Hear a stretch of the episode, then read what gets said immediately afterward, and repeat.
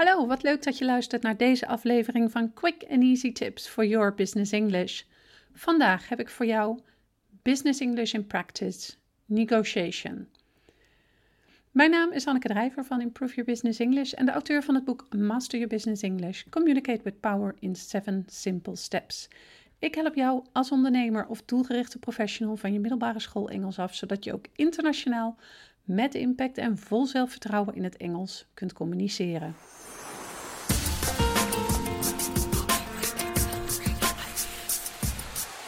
Negotiation, ofwel onderhandelen genoemd in het Nederlands, is het proces waarbij tenminste twee partijen iets willen bereiken, maar hierbij wel verschillende belangen hebben.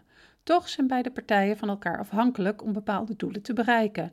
In international business kan onderhandelen een enorme lastige klus zijn. Je wil namelijk op een professionele en efficiënte manier tot een bepaalde oplossing komen, terwijl allerlei belangen van verschillende partijen een rol spelen in het proces.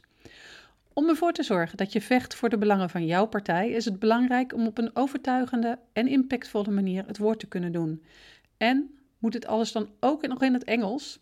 Geen zorgen, in deze podcastreeks ga ik op een gedetailleerde manier alle ins en outs van onderhandelen in het Engels bespreken. Op deze manier kun jij je optimaal voorbereiden op het onderhandelen in het Engels. In deze podcast ga ik het voornamelijk hebben over de beste manier om je voor te bereiden op een onderhandeling. Hiervoor geef ik je allereerst een aantal tips en behandel ik ook een aantal begrippen die belangrijk zijn voor Business English Negotiation. In de volgende twee podcasts ga ik vervolgens dieper in op het onderhandelingsproces zelf. Als eerste ga ik het dus hebben over een aantal manieren waarop je je het beste kan voorbereiden op een zakelijke onderhandeling in het Engels. Voorbereiding is namelijk echt key. What else is new? Door een goede voorbereiding ga je met een stuk meer zelfvertrouwen het gesprek in. 1. Heb een duidelijk doel voor ogen. Voordat je begint met de onderhandeling is het belangrijk om een zo duidelijk mogelijk beeld te hebben van wat voor jou de gewenste uitkomst is. Dit klinkt logisch, maar door een aantal zaken duidelijk voor jezelf op een rij te zetten, wordt het een stuk makkelijker om de uitkomst die je voor ogen had doelgericht te bereiken. Ga je bijvoorbeeld onderhandelen over een bepaalde prijs? Beslis dan van tevoren wat het laagste bedrag is wat je nog goedkeurt. Ga vervolgens na hoe je dit het beste in het Engels kunt overbrengen. Door dit voor te bereiden hoef je tijdens de onderhandeling niet of nauwelijks meer na te denken over hoe je iets wil formuleren in het Engels. Dat scheelt dan weer. 2. Weet wie je voor je hebt staan.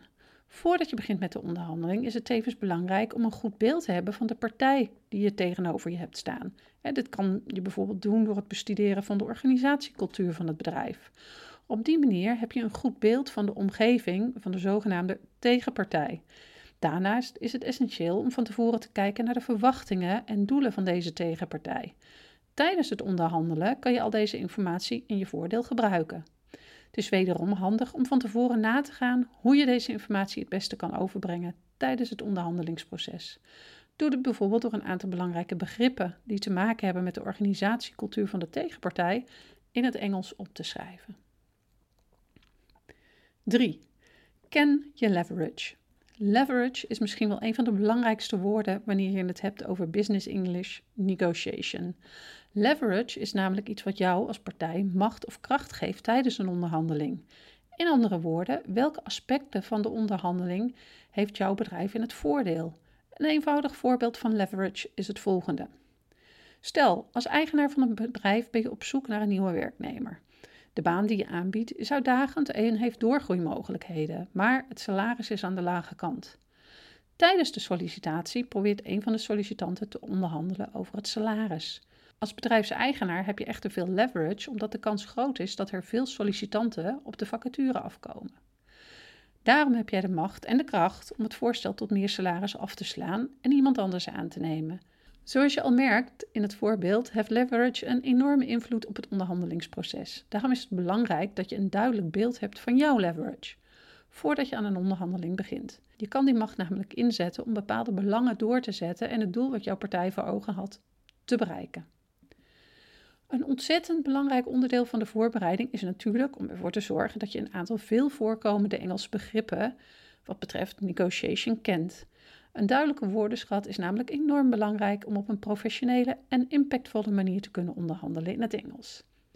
Here we go. 1. To bargain. To bargain is onderhandelen of afdingen in het Nederlands. Dit houdt dus in dat je discussieert over bepaalde voorwaarden van een overeenkomst. 2. Bottom line. De bottom line is de meest belangrijke factor of invloed van een onderhandeling. Luister maar eens naar de volgende voorbeeldzin. The bottom line is that it is impossible to hire five new applicants.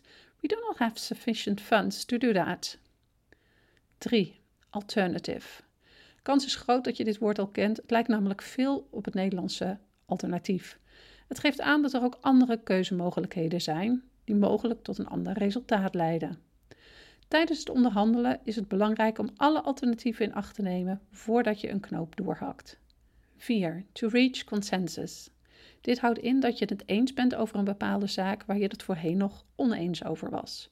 Als je na het onderhandelen tot een afspraak bent gekomen, kun je bijvoorbeeld tegen de tegenpartij zeggen: I'm very glad we have reached consensus. 5. Counterproposal. Ben je het oneens met een voorstel van de tegenpartij, dan doe je een counterproposal of tegenvoorstel in het Nederlands. Hiermee bied je een andere keuzemogelijkheid of alternative voor een bepaald discussiepunt. 6. Deadlock. In het Nederlands wordt een deadlock ook wel een impasse genoemd. Het is een punt van discussie waarover jij en de tegenpartij het niet eens kunnen worden. Je bent als het ware op een doodlopend punt van de discussie beland. 7. Highball or lowball. Beide woorden worden als werkwoord gebruikt. To highball geeft aan dat je veel meer vraagt dan wat je denkt dat de tegenpartij mee in zal stemmen. Dit is een bepaalde tactiek waarmee je hoopt dat de tegenpartij bijvoorbeeld akkoord gaat met een bedrag wat boven jouw laagste prijs ligt. To lowball is het tegenovergestelde. Hierbij bied je namelijk veel minder aan dan je eigenlijk acceptabel vindt. Zoals ik eerder al aangaf, is een goede voorbereiding enorm belangrijk wanneer je op een professionele en impactvolle manier wil onderhandelen in het Engels.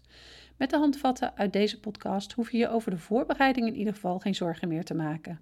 De volgende twee podcasts zullen verder ingaan op Business English Negotiation, zodat je een compleet pakket aan tips en adviezen ontvangt voor een perfecte onderhandeling in het Engels. Ben je op zoek naar meer manieren om jouw zakelijke Engels te verbeteren? Bezoek dan onze website www.improveyourbusinessenglish.nl. En als je deze aflevering hebt geluisterd, zou ik het enorm op prijs stellen als je een review voor ons zou willen schrijven op SoundCloud of iTunes. Dit helpt anderen weer om onze podcast te kunnen vinden en daarmee hun Engels te verbeteren. See you next time met quick and easy tips for your business English.